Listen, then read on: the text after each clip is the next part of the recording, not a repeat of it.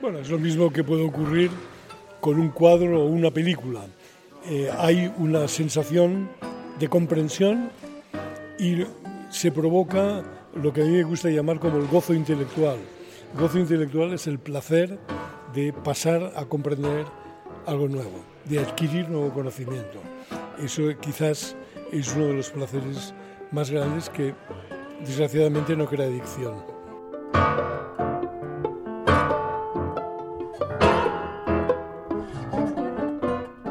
Un refrán en realidad es una sentencia que sirve más para liquidar una conversación que para iniciarla y realmente es eh, un resumen de prejuicios de una época. Por esto, eh, trabajar con la razón es lo contrario. Lo primero que tiene que hacer es acabar con los prejuicios. Y si hablas con refranes, en realidad eres un saco de prejuicios.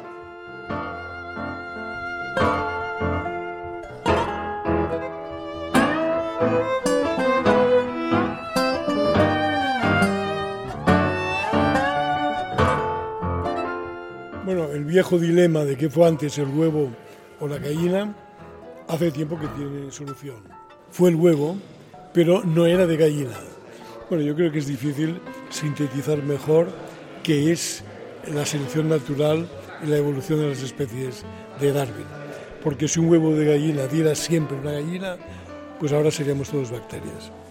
Con lo cual ya tienes dos aforismos por el precio de uno.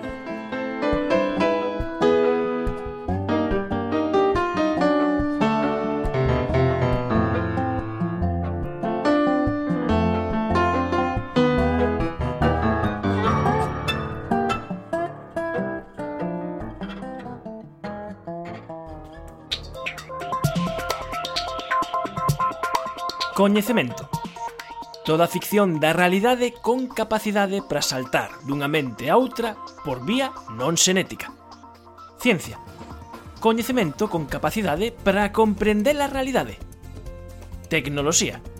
Coñecemento con capacidade para cambiar a realidade. Estes son tres aforismos de Jorge Wagensberg, O físico, divulgador, museólogo e escritor Jorge Wagensberg estivo onte en Santiago no programa Nexos da Cidade da Cultura falando de aforismos. Wagensberg cultiva con esmero estas pílulas de coñecemento e poesía condensada e sostén que son o máis científico dos xéneros literarios.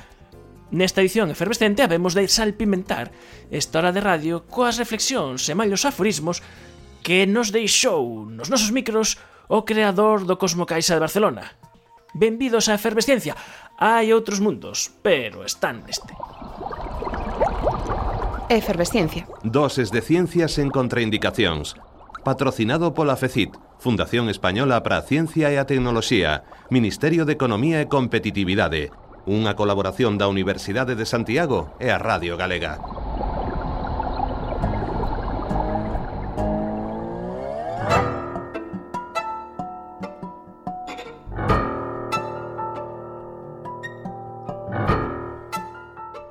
No, no, yo lo que digo es que en realidad detrás de un buen aforismo hay un talante científico, es decir, alguien que de una manera explícita o, tácita, consciente o inconsciente, lo que hace es aplicar la razón, ¿no?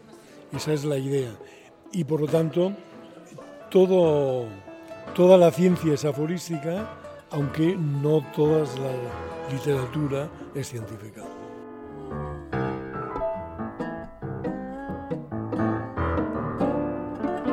Yo, por ejemplo, cuando eh, quiero explicar cuál es la esencia de la teoría de la relatividad, pues eh, lo que hago es explicar dos o tres aforismos, sobre todo uno, y es que una ley fundamental de la naturaleza no puede depender del observador, no, no puede depender de quien la mira.